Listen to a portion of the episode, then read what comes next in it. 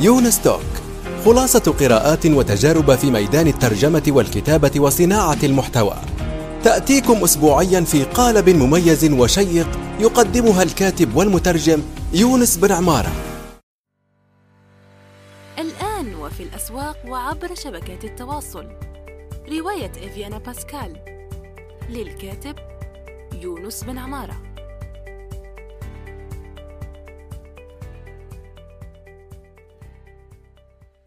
السلام عليكم ورحمة الله وبركاته في حلقة جديدة من يونس توك. ضيفة هذه الحلقة الروائية السعودية الدكتورة زينب الخضيري. مرحبا بك آه، دكتورة زينب. كيفك؟ أهلا وسهلا. أهلا وسهلا بكم.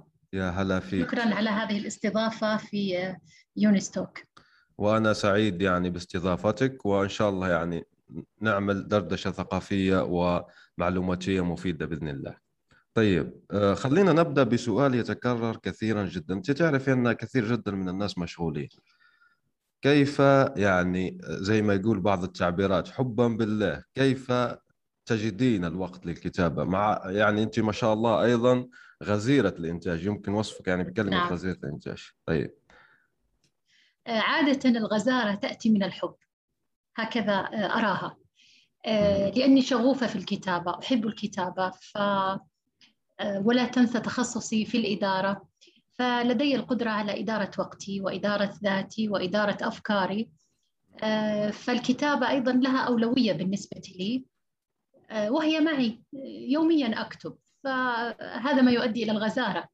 بالإضافة إلى الحب. عندما تحب شيئا فإنك تعانقه دائما. فهذه هي فكرتي مع الكتابة أو طريقتي مع الكتابة. دائما الكاتب أو الإنسان بطبيعته عندما يحب شيئا آه، يكثر منه. آه، وعندما تكثر منه فإنك تخبره كثيرا. آه، ويزداد لديك الشغف في صبر أغوار هذا الشيء. والكتابة لا تنتهي. الكتابة مثل الحياة تنمو وتكبر معي. ما شاء الله عليك. طيب لكن في الأمور العملية يعني في واجبات زي أنت ما حكيتي ممكن أمورك الوظيفية يعني بتشغلك ممكن أكيد. العائلة أه هكذا. أيوه أنت كيف كيف تنظمين أعطينا يعني لمحة عن تنظيمك للوقت بالضبط. الوظيفة لها وقت محدد لها ساعات محددة. أيضا العائلة يعني عائلتي صغيرة. آه، فكل يعني كل ما تعطي يعني كل شيء أعطيه حقه. والوذ الكتابة هي متنفس بالنسبة لي. الوذ من مشاغل الدنيا هذه كلها ومن أعباء العمل أعباء الأسرة أحيانا. آه، ألوذ بالكتابة فهي متنفسي أعتقد أن الكتابة أعطتني التوازن في الحياة. آه، وأتوازن في حياتي وأحب حياتي. آه، البعض يكون لديه تشويش بين حياته وبين موهبته أو بين عمله فيكثر من هذا ويترك هذا إلا أني الحمد لله كنت قادرة على التركيز في كل شيء أعطيه اهتمام وتركيز ووقت. عندما أعطي الوقت أركز فيه تماما آه، وهكذا أدير يومي وذاتي. يعني عندك توازن بين العمل والوظيفة ممتاز جدا وهو مطلوب الجميع الوقت الحالي لأن الكثير زي ما تعرفين يعانون كثيرا من شيء اسمه الاحتراق الوظيفي يعني ال burnout فما للأسف يعني بيضغطوا على أنفسهم كثير فلا يجدون حتى وقت للموازنة آه، هنا وهناك. طيب آه، كم تكتبين؟ الاحتراق الوظيفي دعني أتحدث قليلا عن الاحتراق الوظيفي. أيوه تفضل آه، تفضل. نعم الاحتراق الوظيفي آه، قد تكون مرحلة نمر بها ولكن أحيانا يكون لديك الوعي بذاتك وبنفسك بحياتك أن تتوازن أن تعطي التوازن في الحياة لا بد من وجود هذا التوازن الذي يجعلك تعطي. فالعطاء ليس فقط في الوظيفة أو في حتى الكتابة أو المهنة أو الموهبة التي عندك أيضا الأسرة تأخذ منك كثيرا. فعندما أعطي أسرتي أعطيهم الحب العناية الاهتمام فلا بد أن أعطيهم شيئا صافي. لذلك لا بد أن أكون مرتاحة نوعا ما. فالاحتراق الوظيفي آه، عادة يمنعك حتى من الإنتاج من أن تكون آه، أن تكون خلاق. في وظيفتك أو غيره فأنت تعطي بلا بلا تفكير أو حساب أو حتى تضع توقف لنفسك. لا بد أن تضع محطات لنفسك وأين وصلت وكيف أصل إلى هذا. وبالتخطيط الجيد عادة في الحياة يعني آه، تصل إلى ما تريد. أعطينا إطار عام يكون يعني آه، قريب من آه، الواقع وأذهان الناس كيف توازن بين. ولاحظي أيضا أنه حتى النساء يعني توازن بين الحياة والأسرة. آه، أيضا النساء يعني يعانون في بيئة العمل. زي أنت ما تعرفي في تمييز في تمييز وظيفي. يعني أعطي لك باختصار لو كان الشخص رجل دكتور مثلا في هيئة جامعة معينة راح يكون أموره نوعا ما يعني في في كل الحالات في أمريكا في أي مكان آخر يعني يكون أمورها أسهل نوعا ما من آه، لأنك زي ما تعرفي في بوليتيكس في سياسات أيضا في الهيئات الإدارة وكذا. صحيح. فاحيانا الحمل أيضا بتح يعني هي بتجاهد. بتبذل مثلا ثلاثة أضعاف آه، لكي يعترف بها زي ما نقول مثلا وظيفية. تعمل كل شيء بعدين يعطوها اعتراف صغير جدا يعني ممكن. بالتأكيد. يعني المرأة عليها أن تبذل جهد مضاعف عن الرجل في أي مكان. سواء للأسرة للعمل لنفسها لذاتها حتى في كسب المال في كل شيء عليها أن آه، تضاعف مجهوداتها. لأسباب كثيرة لأعراف اجتماعية آه، أسباب قد تكون ذكورية أيضا من صنع القوانين هو الرجل من يضع القوانين هو الرجل فطبيعي أنه يضع الذي يناسبه. لو كانت المرأة هي التي تضع القوانين لوضعت الأشياء التي تناسبها. وهذا يعني مجال كبير للحوار والارجيومنت في في أشياء كثيرة بين المرأة والرجل. فمثلا لو كانت المرأة آه، هي القائد من البداية لكانت تغير أشياء كثيرة سواء حتى أنسنت البيئة أنسنت العمل آه، حتى في رعاية الأطفال في حتى في الكتابة أيضا. كان كاتبة إيطالية كانت تعاني وقرأت لا يحضرني اسمها فكانت تتحدث كتبت روايتها عن الولادة كيف أن المرأة تعاني وهي تلد. آه، فكانت آه، من ضمن تساؤلاتها أن لو كان الرجل يعني هو الذي يقوم بهذه العملية البيولوجية الولادة أو غيرها كيف كان سيكون شكل الحياة؟ بالتأكيد سيكون عملا عظيما عملا مجهودا يعني شيء شيء يعني مختلف تماما. أيوه. آه، لكن لو نحن كتبناه في الأدب مثلا كتبت عن مثلا كيفية معاناة المرأة مع مثلا لو قدمتها لناشر حتى معاناتي مثلا مع التربية أو مثلا مع الولادة أو مع أشياء بيولوجية شهرية للمرأة. وكتبنا عنها بشكل موسع. كلها شيء طبيعي هذا يعني شيء موجود في الحياة. عادة الناشر سواء الأوروبي أو العربي أو غيره يتجنب آه، أنه ينشر مثل هذا لأنه يتوقع أنه ليس له سوق كبير. ف آه، ويعتقد أنه غير مهم من وجهة نظره. هو لم لم يجرب هذه المشاعر مشاعر المرأة المرأة آه، تقدر مشاعر المرأة الأخرى وتفهمها. لذلك عندها ذكاء كل... أيوه ذكاء عاطفي أكثر من الرجل. بالتأكيد. ذكائها العاطفي ذكاء لأن لديها حاسية طبعا الأمومة تضع أشياء كثيرة في المرأة. منها عامل الحماية عامل الحس الحدث المسبق أشياء كثيرة تضعها سبحان الله يعني بيولوجية المرأة مختلفة تماما ويكون عندها وعي أعلى عندما دائما نيتشه يقول عش في خطر. لذلك أنا دائما أقول أن المرأة تعيش في خطر. فعندما تعيش في خطر معناته أنك دائما تكون نبيه للتفاصيل الصغيرة في الحياة. التفاصيل الصغيرة هي التي تصنع الفرق. لذلك المرأة دائما حسها أعمق ليس كل مرأة بالتأكيد يعني لكن بشكل عام حسها أعمق أحيانا حتى حكمها أعمق نظرتها للأمور مستقبلية الرجل عادة المستقبل لديه مجهول فالرجل يحب الأشياء آه، التي يكون متأكد يقينية. منها نعم يقينية. نعم. مع أنه هذا أعتقد أنه في صالح المرأة الآن لأنه زي ما تعرف في آه، في في مصطلح منتشر كثيرا الآن بين المستثمرين والاقتصاديين هو اللا يقين يعني هو في عبارة طويلة يعني اللا يقين. التقلبات كذا كذا اسم طويل بس ما حفظته.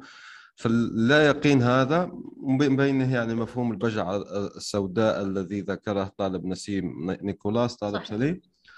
فأعتقد أنه أيضا في دعوات أخرى لدعم آه، الشركات التي تديرها النساء أصبح في أيضا مصطلح. إنه إدعم الشركات التي تدير فيها النساء. وأنا مرة ذكرت يعني أنه حتى في آه، آه، في مثلا تمويلات والاستثمارات الشركات الناشئة آه، النساء يعني يستثنين في الحقيقة. مع أنه أيضا في دراسات أخرى بتقول أنه الشركات التي تديرها نساء بيجيبوا ثلاثة أضعاف الأرباح من الرجال يعني شركات الناشئة في التمويل. فهذا مهم أيضا حتى من من ناحية. طيب هل تؤمنين أنه في شيء اسمه الأدب نسوي؟ يعني نقسم أدب ذكوري أدب نسوي أدب كتبته امرأة أدب كتبته كتبه رجل أو لا؟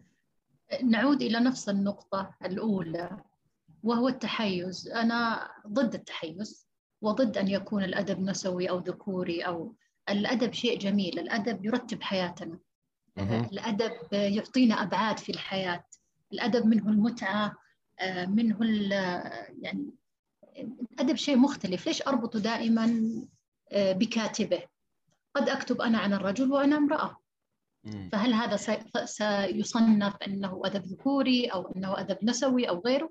أنا لا أعتقد. أنا ضد هذه التسميات لأن الإبداع ليس مرتبط بجنس.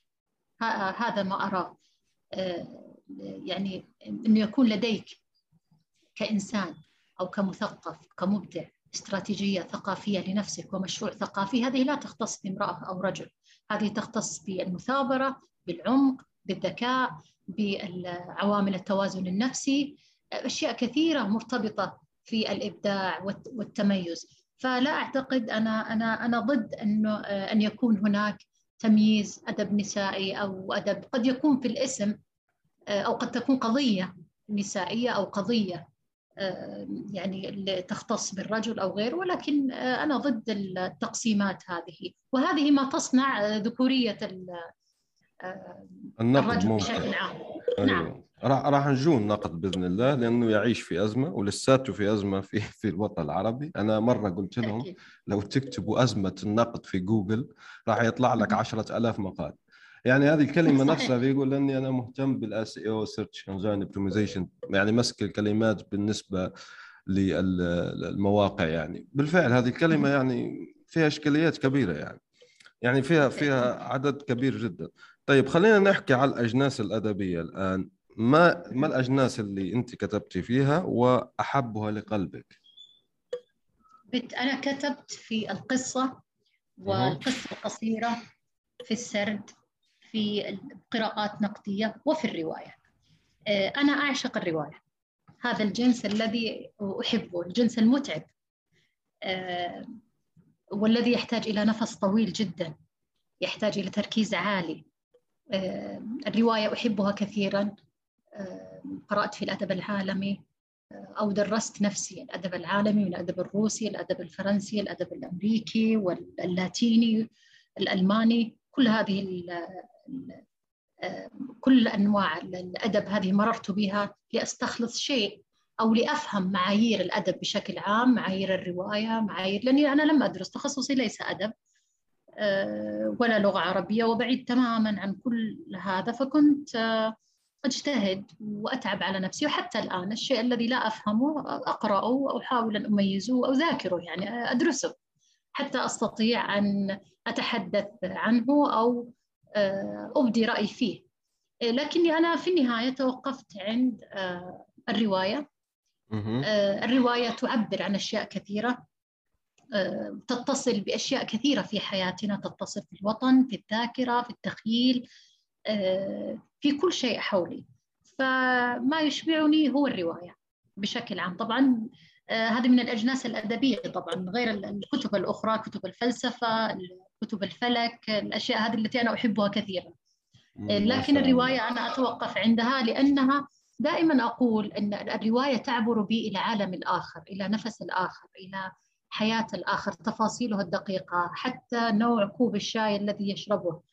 مثلا في الأدب اللاتيني أو الأدب الألماني أو غيره تعرف طبيعة ثقافة البلد من هذه. طبعا الثقافة ليست مرتبطة في مأكل أو ملبس. الثقافة بشكل أكبر يعني مرتبطة بأشياء كثيرة من مفاهيم قيم مبادئ أشياء كثيرة. فأنت تفهم هذه البلدان من حتى العيب الاجتماعي تفهمه أحيانا من سطر واحد في رواية في ذلك البلد. أيوة، فهذا ما يجعلني أرتبط في الرواية وأحبها كثيرا وما زلت يعني. حتى أنني في روايتي الأخيرة رواية على كف retweet كتبت عن التويتر وال social media في الرواية كيف نحن فيها؟ فإحنا عندنا في السعودية كان كانت ثورة لنا في تويتر بالذات. كنا في في البدايات في الفيسبوك وانتقلنا إلى التويتر وكان ثورة جميلة جدا وما زال يعني. الآن هو تحولات الآن لنا أكثر من عشر سنوات وجدير بأن نتحدث عنه. فأنا كتبت عن بداياتنا. أحسست بالمسؤولية آه تجاه آه توثيق هذه اللحظة التاريخية ممكن أو التحول نعم المنعطف و... يعني. نعم وأنا كتبت عنها في البدايات. وحاليا أكتب أيضا عن بعد هذا العمق يعني بعد العشر سنوات هذه. كيف كنا كيف أصبح ال التويتر أو ال social media بشكل عام كيف أصبحت معنا. فطبعا لأنه أنت عارف إنه إحنا من عشر سنوات أو أكثر كان من أهم المتغيرات الثقافية كانت استخدام الإنترنت. وهي أحضرت لنا مشاهد كثيرة من المستقبل.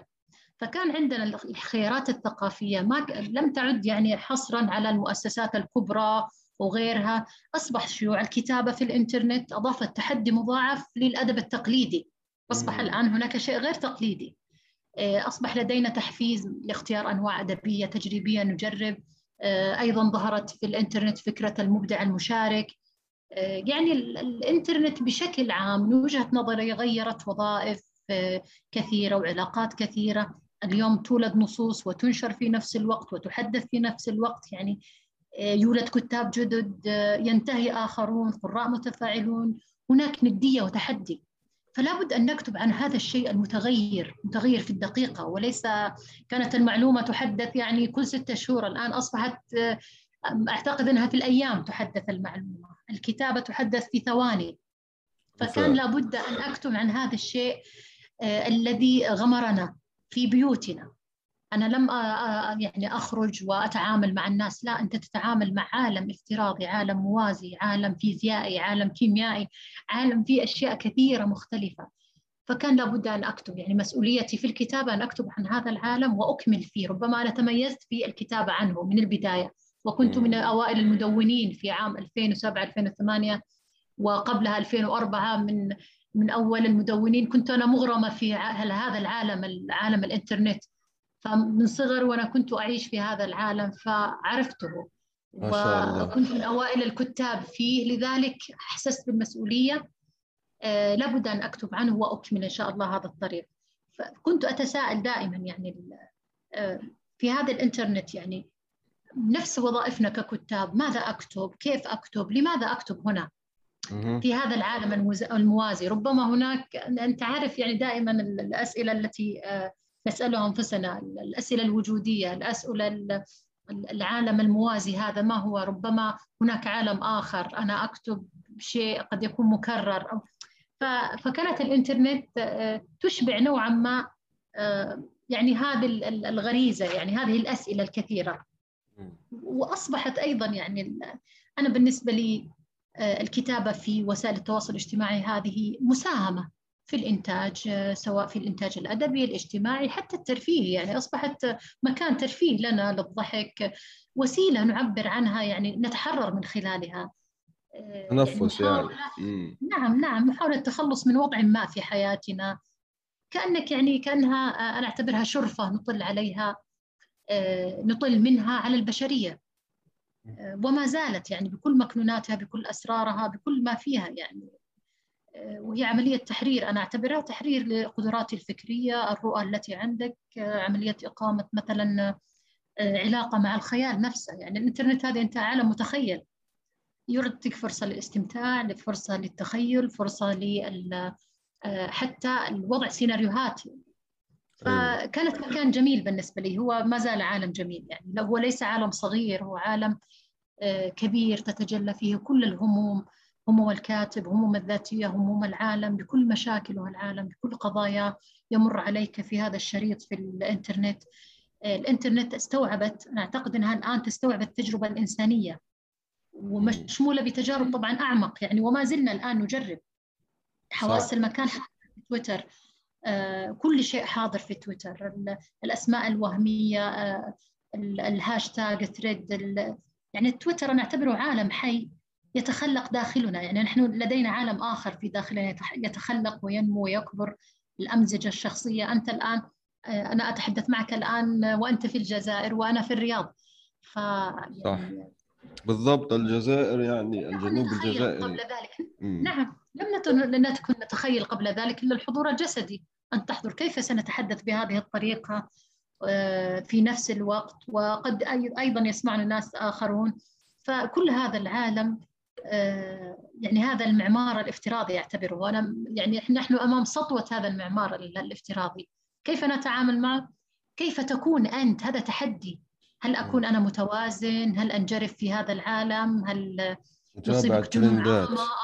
أم أم نظرة دونية للذات أمام هذا الع... الناس التي يوميا تصقل نفسها بكتابات يوميا تصقل نفسها في آه، ألقاب يعني حتى أنك يعني أنت لو تابعت طبعا كل وسائل التواصل الاجتماعي تجد أن الإنسان يضع نفسه دائما أقولها يعني كما يتخيله لا كما هو واقعه البعض آه، أتت وسائل التواصل الاجتماعي لتضع له شخصيته ال- ال- المتخيلة وليست. شخصيته في الواقع الدليل أنك تتعرف على شخص في تويتر أو فيسبوك أو غيره وقد تعقد معه صداقة لمدة أشهر وعندما تقابله في الواقع تجده شخصية أخرى تماما.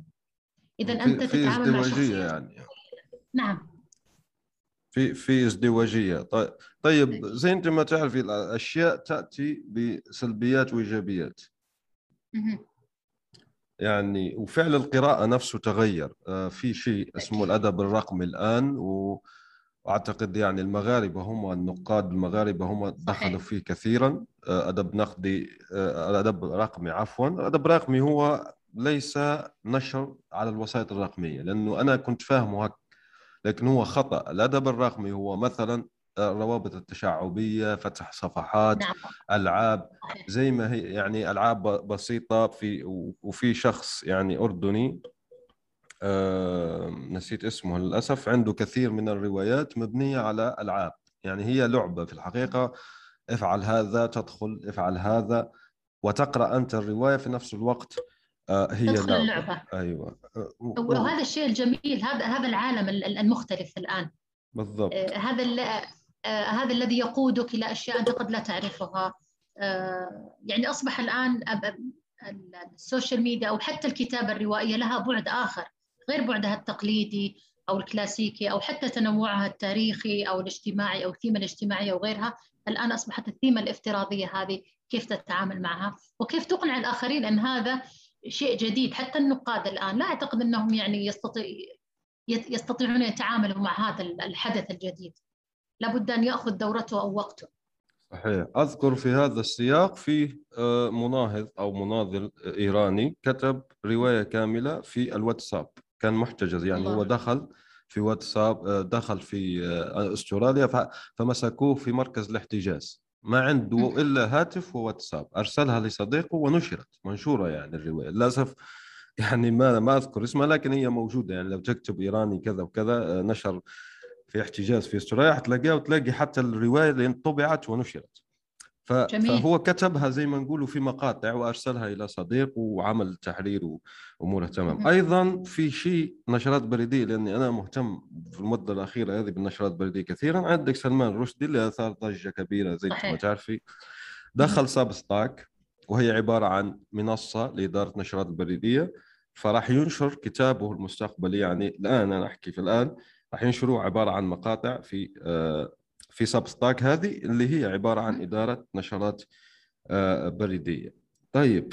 أنا منذ فترة يعني آه، أرسلت رسالة نداء عام لجميع الكتاب في الوطن العربي سميتها يعني وذكرت الأستاذ طالب الرفاعي للأسف لم يرد علي ولا وحطيت يعني حتى آه، المقال وهو طويل فيه 2000 كلمة فحذف التغريدة شوفي أنا أنا أنا داخل أنا داخل في آه، كثير جدا من العلاقات بين الأدباء وكذا وأنا أشوفه للأسف أني أقول لك هذا يعني حاشا البعض هو عبارة عن جو آه، مسام يعني toxic atmosphere فيه آه، معارك جانبية فيه يعني يعني أحكي لك بكل صراحة أستاذة زينب يعني هنا هنا أصارحك. أنا لما أراسل سلمان رشدي أنا لم أراسله على فكرة لكن متوقع أني لو أراسله يرد علي. وأنا لا أقول لك أني أنا لازم كذا. أنا رسلت كثير جدا من رواد شركات عندهم ملايين عند في أشخاص 500 موظف عنده. ويرد علي و ويقول لي مثلا أنت أنا أنا اتواصل معهم لسبب أو لآخر. مثلا أحيانا أجد مقال ممتاز جدا أقول له أنا هذا راح يفيد العالم العربي فاسمح لي أني أترجمه. يعني يقول لي نعم ويزيدني من عنده. تمام؟ فأنا شايف جو ممتاز جدا. ففي بعض الناس يقول لك لا يونس هم وراهم مشغولين كذا. طيب أنت مشغول بس ليش تحذف التغريدة مثلا؟ أنا هنا لا. أتكلم عن الأستاذ طالب الرفاعي كشخص لأنه هو عبارة عن كان مثال فقط.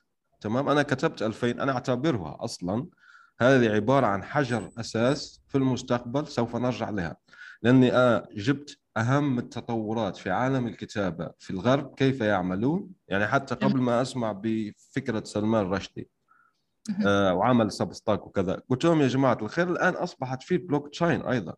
يعني صحيح. حتى سلاسل الكتل في الآن كتاب يكتبون ويحفظ وتعرف في سلاسل الكت- الكتل مثلا ماذا تفعل؟ من بين خصائصها المهمة جدا أنه تقضي على فكرة سرقوا لي نصي لو صحيح. طبقناها نحن مثلا يعني لأنه هي تحفظ تعمل هي أصلا البلوك تشين هي حوكمة هي نوع من الحوكمة. بالضبط عليك نور. نعم. فصراحة أنا شوفي لو لم أكن متعمق كثير في آه، الجذور يعني أصاب بإحباط شديد. يعني أنا كشاب مثلا عمري 30 سنة الآن وأرى هذا ال atmosphere يعني ال toxic atmosphere. ما يردوا بل ويسبون ومثلا يهاجمونك ومش فاهمينك وكذا. فأنا مباشرة أقول أنه هذا القطاع لا لا يخرج عني أصلا.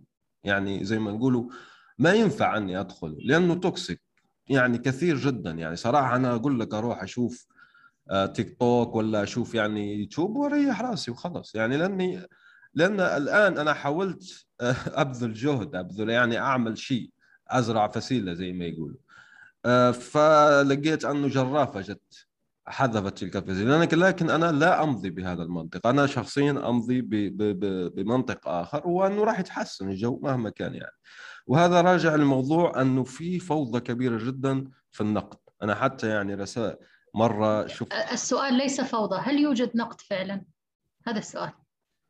بالضبط. فوضى معناته أنه يوجد إنتاج نقدي. لكن حسب ما أرى لا أرى وجود نقد حقيقي. يعني هي المشكلة أنت تتكلم الآن اولا دعني أدافع قليلا عن الأستاذ طالب الرفاعي. مهم. أستاذ طالب يعني هو هو صديق عزيز وأنا أعرفه شخصيا يعني ولا أتوقع يعني أنا لا أعلم عن آه، موقفه منك أو أي شيء لكني أتوسم فيه خيرا. فربما كان هناك يعني لبس في الموضوع بينك وبينه. وانت عارف أحيانا التقنية آه، تجعل هناك مشاكل كثيرة في التواصل. صح. فالتمس له العذر. أتمنى أن تلتمس له العذر لأني أكيد، آه، أكيد. أجد الرجل منتج واجده يعني آه، يتواصل سريعا. فوالله أنا لا أعلم يعني ليس محاباة له ولكن لا أحب يعني آه، دائما أحب أن أعطي الإنسان فرصة مرة مرتين والثالثه خلاص يعني. لكن أعطيه فرصة ثانية مرة ربما يكون هناك فيها يعني ما أدري يعني بس أتوقع إنه في لبس في الموضوع لأنها ليست شخصيته أستاذ طالب هذا اولا فهمتك. أيوه. تمام حلو الشيء الثاني الشيء الثاني إنه مشكلة ال- الوسط الثقافي العربي للأمانة وحسب ما يعني أنا أواجهه يعني تخيل يعني أنا مثقفة وامرأة يعني. فهمت وأعيش في هذا الجو آه، طبيعي هناك آه، يعني محاباة هناك شللية هناك آه، أشياء كثيرة ومصالح شخصية بالتأكيد يعني. وعادة المثقف يعني يعني بطبيعة المثقف يكون نرجسي متضخم في الأنا. ف ولا يعمل الشيء بدون يعني لا يعمل الشيء من أجل الشيء فهمت علي؟ بمعنى أنه لا يبذل مجهود من أجل فعلا الكتابة لأنه يحبها أو من أجل الكتاب. هو يعمل من أجل ذاته. فعندما تعمل من أجل ذاتك فأنت تتلاشى.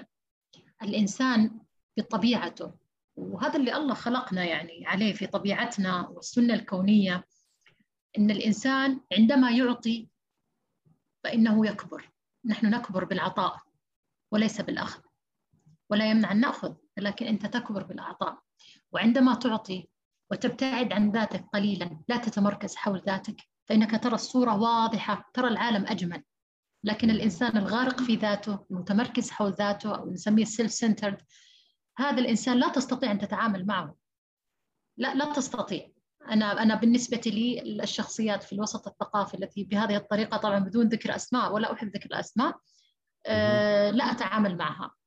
وللأمانة يعني دعنا نكون يعني بما أننا يعني في جلسة فيها صراحة و... وأنا ما تعودت آه، أبدي آرائي عادة يعني بشكل صريح إلا أنه في الوسط الثقافي ما هو التعاون الذي أنت ترجوه من مثقف يعني؟ للأمانة. إذا لم يكن هناك مشاريع ثقافية مؤسسية تقودها آه، وزارات أو مؤسسات فإن المثقف لوحده لن يكون يعني آه، إذا لم يكن شغوف فعلا في الثقافة والكتابة وما يرتبط فيها فهو لن ينجز إلا أشياء آه، محدودة. أو تخصه هو. وغالبا ليس لها امتداد في التاريخ لن يكون لها امتداد حقيقي في التاريخ. لكن الإنسان المثقف الذي يريد أن يكون هناك جو ثقافي حقيقي صحي هذا تجده في قلق دائم وتجده حتى مبتعد عن هذه الأوساط ولا ينتظر التصفيق.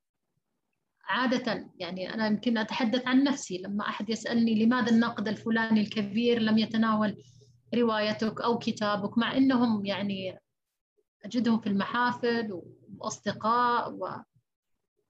لكن أنا بالنسبة لي لا يعنيني أنه لم يتناول أو يتناول كتابتي. أنا أكتب. أنا منتج. أيوة هذا الغرض اللي هذا أنت تكتبين وتحقق آه، الغرض نعم. وليس نعم. يعني كسب المديح وكسب لأنه أيضا أبداً. إضافة أبداً. إلى تضخم الذات تعرفي والتمحور حول الذات يمنع من النقد هو هو إذا أنت تنظر إلى كسب المديح من الآخرين اذا اذا لن أجتهد كثيرا الطرق أسهل هناك طرق أسهل بكثير من إني أكتب وأخذ من وقتي من حياتي وأتعب لكني أنا لا أكتب من أجلهم أنا أكتب من أجل الكتابة لأني أحبها لأني أعمل شيء أتمنى بعد عمر طويل. آه، وإذا مت إن شاء الله. بعد, بعد عمر طويل يتبقى شيء مثل ما نقرأ الآن. نحن نجيب محفوظ وغيره وماركيز والناس اللي راحت وما زالوا أحياء في ذاكرتنا وفي قلوبنا. أتمنى أن أكون حية في قلوب من يقرؤون لي. هذا هو الهدف. هذا هو هدفنا في هذه الحياة. يعني الخلود زي, زي ما يقول ميلان كونديرا يعني الهدف هو الخلود في ذاكرة التاريخ. نعم. نعم وأنا أقرأ كتاب الخلود. الآن عندي قراءة نقدية. آه، أنا لدي مشروع اسمه بيت الرواية. مشروع بيت الرواية يتفرع منه أربعة هذا مشروعي الثقافي. آه يتفرع ما شاء الله عليك. نعم يتفرع منه أربعة آه نشاطات منها حكاية الإصدار الأول محاضرات نقدية مجموعة قرائية وورش عمل في الكتابة الرواية. كله يختص في الرواية ولدينا موقع وتويتر وكله. فالفكرة هذا المشروع الذي كنت أحلم فيه والحمد لله من سنتين الآن بدأنا فيه. آه، أرضاني آه، وأحبه وليس بالضرورة أن يكون له ضجة كبيرة كما يفعل الآخرون. أحب أن يكون له منتج وليس ضجة إعلامية. الضجة الإعلامية هذا هذا ما أريده هذا ما أريده أنا شخصيا وآسف على المقاطعة لأنك كنت لمستي زي ما يقولوا وتر هنا. نعم. أنه الناس زيك يعني اللي ما شاء الله مشوا في الطريق كثيرا أنه يأخذوا بيد الجيل السابق. هذا كل ما طلب هذه هي رسالتي. أنا ليش ذكرتها يعني الرسالة هذه بالذات؟ لأنه يعني ليست شخصنا بل يعني أنا أحب انه ينتشر هذا المقال لأنه هي هذه الرسالة للكتاب الحاليين. أنه يا جماعة الخير أنا آه، يعني عندي بعض زي ما يقولوا النقاط وذكرتها. تفضلي أكمل يعني لكي لا آخذ من وقتك. نعم فالحديث ذو شجون في آه، آه، نفسية المثقف والتعامل مع المثقف والمثقف صعب صعب الإرضاء ودائما يحب أن يكون أن يقول ها أنا ذا. آه، فالنفسية السوية يعني عادة ما تكون نفسياتهم سوية جدا. آه، عادة في الشخصيات اللي نتعامل معها غير مرتاحة يعني ما تفسيرك؟ يعني دائما أنا أقيسها في مثلا آه، أتابع مثلا وسائل التواصل الاجتماعي ما تفسيرك لتواجده من الصباح إلى المساء في وسائل التواصل الاجتماعي؟ ما تفسيرك لهذا؟ هذا اللي يعني حيرني هذا إنسان ما عنده حياة. هذا إنسان لا يوجد له حياة. ما عنده دوام. مم. ما, ما عنده دوام ما عنده حياة أسرية حتى يعني حتى حياتك الأسرية مع أبنائك يعني فيها حب مع أسرتك. الناس اللي لابد تعطيهم الحب. أنت أصلا متعتك إنك تتواجد مع الأسرة. في النهاية إحنا حياتنا متمحورة حول الأسرة. فهذه الحقيقة يعني حتى حتى فكرة الصداقة وفكرة في هذا العالم المادي أصبحت صعبة جدا إنك تحتفظ بصديق. أصبحت صعبة جدا. وسوء وسوء الفهم جاهز جاهز. آه والاتهامات جاهزة وكل شيء. مهما تعطي مهما تكون صبور آه على من حولك مهما تكون آه عقلاني وتعطيهم الأعذار إلا أنه في النهاية كل هذا ينعكس عليك أنت لأنك صبرت ولأنك تعطي أعذار ولأنك لا تحب أن تهدم العلاقات بالطريقة هذه. آه، العلاقات التي لا يوجد فيها العلاقات الإنسانية لابد, لابد أن تكون علاقات متينة آه، علاقات فيها من الصدق. هذا الصدق الذي نفتقده.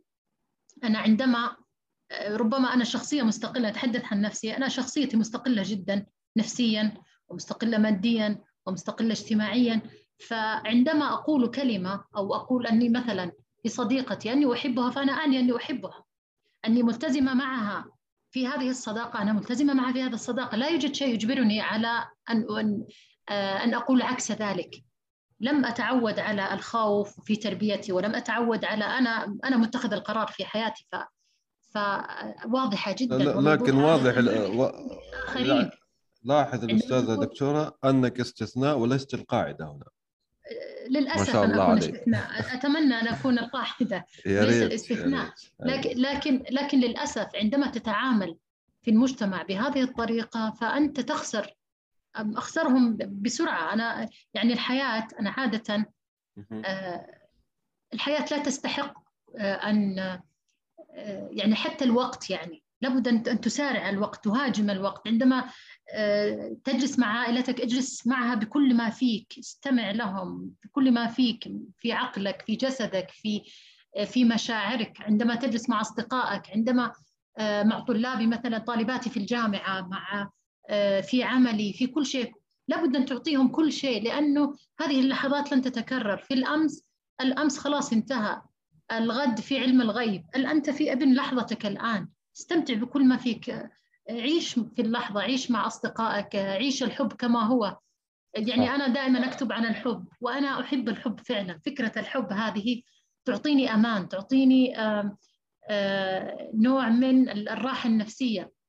لأني لم أتعود أن أجبر نفسي أن أجلس مع شخص لا أحبه أو مجاملة حتى المجاملات أجامل أول خمس دقائق في النهاية لا أستطيع. هي الحياة شخصية ينتهي يعني. رصيدهم المجاملات يعني. لأن الحياة لأن ما الذي يجبرني على هذا على هذا؟ لا يوجد شيء يجبرني على أن أتحمل شخصيات أنا لا أستطيع أن أتحملها. يكفي ماسك واحد يعني. عندنا ماسك الآن مضطرين نعمله في الكورونا فمجاملات ماسك الكورونا واحيانا أحيانا ماسك العمل لأنه إيه. مجبر. هذه لقمة العيش يعني. مجبر أنك تتعامل معها بكل ما فيها يعني. وتكون مرن. يعني أحيانا مرونة مطلوبة. لكن في أمور لا, لا يعني حد المرونة يقف يعني خلاص. والله أنا متفائل بالمملكة يعني صراحة ما شاء الله عليكم. يعني في تطورات كثيرة. أنا أنا حتى فرحت لحسن علوان آه، مسك يعني تبع الثقافة. وإن شاء الله يكون بينكم تعاون جميل بين هذا بيت الرواية والثقافة يعني. أيوه. على يعني ذكر الدكتور محمد علوان ما شاء الله يعني الآن هو رئيس هيئة الأدب والنشر آه، والترجمة وهو فعلا قائم فيها ونحن فخورون فيه جدا. أنا فخورة في محمد كصديق وكروائي وكمدير تنفيذي أو رئيس تنفيذي لهيئة الأدب وهو يعمل للأمانة يعني. أنا أرى العمل يعني آه، عملهم جبار والله يعطيه الصحة والعافية ويكمل هذا العمل بالإضافة إلى وزارة الثقافة في المملكة وزارة ناشئة لكنها ما شاء الله مشاريع كثيرة وحدت الجهود الثقافية بكل ما فيها وإن شاء الله تكون المملكة منارة للثقافة بإذن الله. يا رب, يا رب. آمين آمين يا رب. آه، عمل جيد جدا. أنا أشوف أنه يعني لما سمعت أول شيء بالخبر أنا قلت هذا الرجل صحيح في المكان الصحيح صراحة يعني. الحمد إنه لله. واحد عارف هموم القطاع فراح إن شاء الله بإذن الله عز وجل يعني يعالجها واحدة واحدة. طيب وصلنا يعني للنصائح الختامية. بما أ- أيوه خلينا نخليها على لا الروايه أحب أو النصائح يا يونس أنا لا أحب النصائح. طيب ولا آخذ بالنصائح على فكرة. لما تجيك أنت طالباتك تقول لك أنصحيني إيش تخصص إيش كذا كيف تتصرفين يعني؟ مثلا. مثلا لو تسألني مم. أنا ماذا تحبين؟ أنا أسألها ماذا تحبين؟ إيه، ماذا ترين نفسك؟ ما هي يعني اكتشفي نفسك أولا قبل أن تتوجهي إلى هذا التخصص. آه، لأن الإنسان صعب أنها تأخذ نصيحة يعني حتى أبنائك أحيانا ما لك يعني آه، حكم عليهم.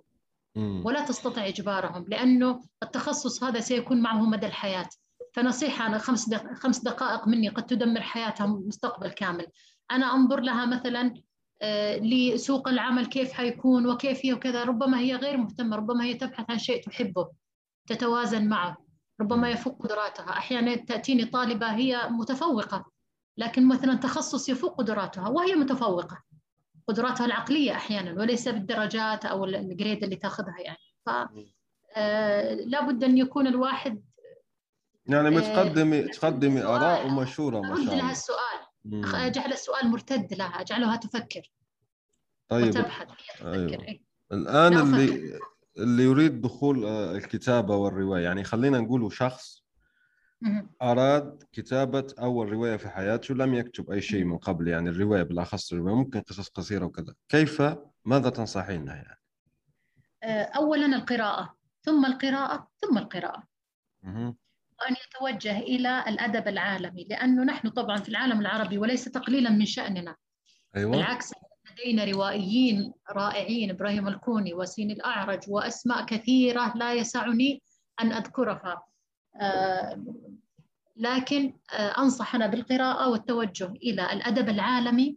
لماذا؟ لأن الرواية أتتنا بكل مدارسها. نحن لم يعني نشق طريق جديد في الرواية.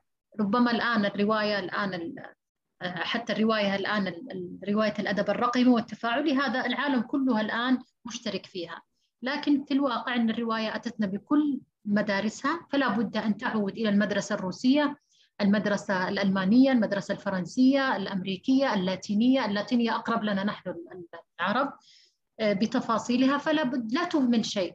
اقرأ ثم اقرأ وأقرأ وأقرأ وابدأ في دراسة كيف تتعامل مع الشخصية. ما هي الرواية؟ حتى أكتب رواية. على فكرة أنا أتحدث عن نفسي لأنه ما في أحد علمني. فكنت أنا أتساءل طيب كيف أكتب رواية؟ فكنت أتوجه إلى بحكم أني أنا طبعا آه، برضو يعني آه، أنا أدرس يعني سواء في الماجستير والدكتوراه فإحنا باحثين. فكنت أنا أتعامل مع الأشياء في بحث حتى الآن يعني. أي شيء أقرأ وأتعامل معه كبحث. فأقرأ بحوث مثلا في النقد في نقد الرواية كيف تكون. ما هي العناصر الفنية في الرواية التي تكمل الرواية؟ يعني أحاول أني أفكر في الرواية بشكلها ومحتواها شكلها الخارجي ومحتواها. أكمل هذه العناصر ومن ثم أبدأ في الكتابة.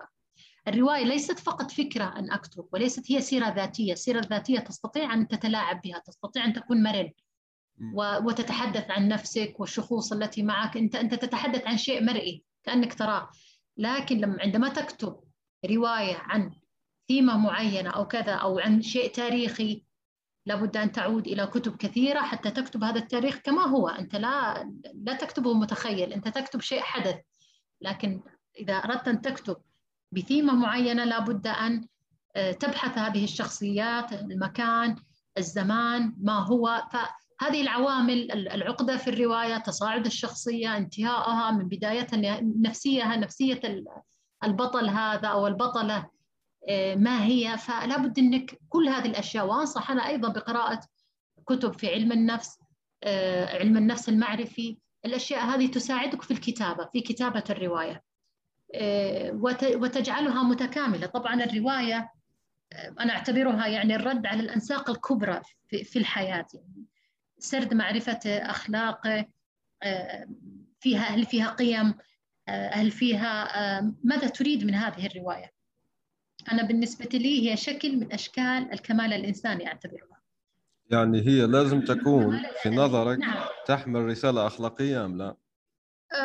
على حسب حسب الثيمة. طب شوف أنا لا أجبر أحد. أحيانا نحن نكتب من باب المتعة وليس. من باب أن يكون هناك رسالة أخلاقية. قد تكون رواية آه، كتبت. رواية فيها رسالة نعم فيها رسالة أخلاقية. قد تكون آه، للمتعة فقط. أنا كتبته لأني أحسست أنني أريد أن أكتب في آه، هذا اللون. أو هذا ال- ال- ال- ال- الشكل من الرواية لكن عادة يعني على حسب يعني الروايات الكبيرة والتي خلدت يعني الروايات العظيمة في التاريخ آه، كان فيها عمق وكمان يعني يعرفنا على المصير الإنساني يعني آه،. يعني وهي. ف... هي هي أيضا ممكن بعض الناس يعني لا يفهم قوة الرواية هي في الحقيقة شكلت عقول ساسة حققوا يعني أكيد يعني الآن الناس يدرسون هتلر ماذا كان يقرأ موسوليني ماذا كان يقرأ في حتى طغاة لا داعي لذكر اسمائهم كتبوا حتى الرواية يعني للأسف يعني نعم ما نعم. انتشرت ما حققت best seller والله الحديث معك ممتع أستاذة دكتورة يعني زينب. لكن وصلنا يعني لنهاية الوقت لكي لا أخذ يعني أكثر من وقتك. كانت حصة ممتازة جدا. أنا شخصيا استفدت آه، نهلت يعني معارف كثيرة. وإن شاء الله يا رب يعني مستقبلا آه، أنا حاط يعني روايتك في قائمة قراءاتي راح أقرأها بإذن الله يعني أحاول قراءتك. وخلينا هنا اللي يسمعنا بما يبدأ لك. خليني أسألك أنا ويسال يعني حتى اللي يسمعنا. أنا عادة عندما أبدأ في القراءة فأنني أبحث في الأساس من مم. البداية. ف نقر آه، الأعمال الأولى لك. يعني الأعمال الأولى لماذا؟ لأنه آه، ترى في هذه الشخصية تصاعد يعني دائما أنا أقول أنا في الكتابة أكبر وتكبر معي الكتابة مم. فعندما أكبر وتكبر معي فهي الأساليب تختلف الوعي النضج العمق آه، فصعب أنك مثلا تقرأ لي في نضوجي في فترة معينة وبعدين ترجع تقرأ لي وأنا صغيرة مثلا كتابتي في. العشرين غير كتابتي في الثلاثين فبالتأكيد يعني مختلفة. فحرام إنك تقرأ لي في نضجي وبعدين ترجع تقرأ تقول ليش يعني في بعض الناس تتساءل؟ ما عندهم. أيوه. على فكرة مثلا أنت لو قرأت مثلا ل آه، آه، مثلا يعني أي كاتب في بداياته وقرأت له الآن إحنا عرفناهم كبار ما عرفناهم وهم صغار. إيه، فطبيعي صح. يكون عندك أسئلة وليش؟ وكان قراءته سخيفة وكان كتابته سخيفة أو لا صعب إنك نحكم على الناس بالطريقة هذه. صح. يعني حتى حتى كافكا في كتاباته فيها شيء حتى ماركيز في كتاباته وحتى الناس اللي حازت على جوائز نوبل لو قرأت في في بداياتهم أو كذا ما كان ما كانت مرضية يعني حتى بعضها لا تستطيع إكمالها. صح. بعضها لم لم أستطع إكمال قراءتها. فأنت آه لابد أنك عندما تقرأ لكاتب أول شيء تعرف على شخصية هذا الكاتب تعرف على أسلوبه آه طريقة الأسلوب الفني في الكتابة. يعني التطور هذا. وبعدين في عمق الكتابة ما هو منهجه في الكتابة؟ كل إنسان أو كل كاتب له منهجيته في الكتابة طريقته. آه في بعض الناس يحب إنه مثلا يستعرض مثلا ثقافته في الكتابة بعضهم لا يحب أنه يكتب بشكل يعني بالشكل المتجرد بالشكل الفقير المتجرد هذا. في من يحب الوصف في من يحب الطرافة يعني. نعم. وكلها هذه جميلة على فكرة يعني هذه لا تنتقص من قدر الكاتب عندما تكتب أبدا.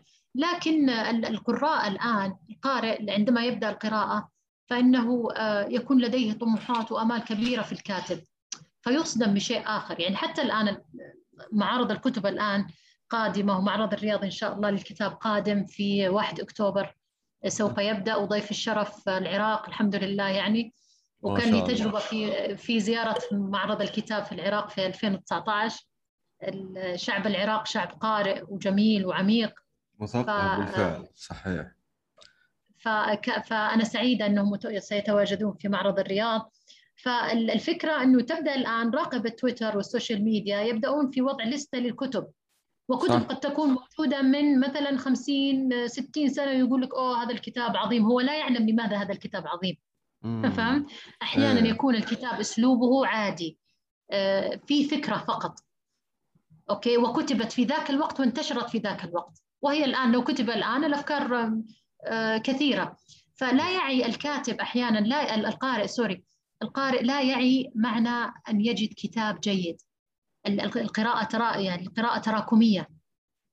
أن أن يوجد في مكتبة يعني حتى الآن وأنت تنصح أبنائك في القراءة أو تنصح زملائك أو طلابك أو whatever. يعني أي أي شخص يسألك عن ماذا أقرأ. دعه يبدأ من الكتب من الكتب البسيطة التي تتناسب مع عقله. صعب إني أقول له روح اقرأ لهيجل ولا اقرأ لنيتشه. صعب جدا. صعب. وتجد وت... نعم. وهايدجر يعني من أصعب الناس اللي يعني وأنا حتى صعب علي قراءة هايدجر. ف... فكان فكان إنك تجد اللستة فيها هايدجر فيها نيتشه في ليه ليه تصعبون عليهم الأمور هذه؟ لماذا؟ صح. وكأنك تتحداهم وليس وليس كل الناس لابد أن يقرأوا في الفلسفة يعني ترى مو لازم أنك تقرأ في الفلسفة مثل الآخرين أو اقرأ ما يناسبك ما يناسب عقلك ما تستوعبه ما الفائدة من القراءة التي لا تستوعبها؟ ما الفائدة؟ صح لا شيء تضيع وقت يعني. لا يستوعبه. طبعا. إيه؟ فاعطيه شيء ينفعه ويستوعبه. ف يعني أنا أتأمل إنه يكون عندنا في معرض الكتاب السنة هذه راح أراقب يعني أنا أحب أراقب وأقيس يعني الرأي العام كيف يكون. شيء شخصي لي أنا. فأتمنى أن تكون أشياء جديدة هذه السنة وليست روايات فقط مترجمة لأنها ترجمت يعتقد أنها جديدة ليست جديدة هي موجودة من يعني القارئ بلغات أخرى أو باللغة الإنجليزية عادة أقرأ في اللغة الإنجليزية فتجدها يعني الرواية موجودة منذ زمن. ما جديد بالفعل. حتى بعض التراجم تأتيك مترجمة من هي روسية ومترجمة إلى اللغة الإنجليزية ومن ثم ترجمت إلى اللغة العربية من اللغة الإنجليزية. ضاع نصف الترجمة. ظلم ظلم للرواية نفسها أو للكتاب نفسه. فبرضو يعني حتى الترجمة لها هموم أخرى لعلنا نتحدث عنها في وقت لاحق. شاء الله يا رب. بإذن الله يعني يكون لنا موعد آخر. أنا أشكرك دكتورة زينب. كان لقاء رائع جدا. نشكر آه، المستمعين لحسن الإصغاء وكرم الاستماع. شكرا لكم وإلى اللقاء. الآن وفي الأسواق وعبر شبكات التواصل. رواية إفيانا باسكال للكاتب يونس بن عمارة.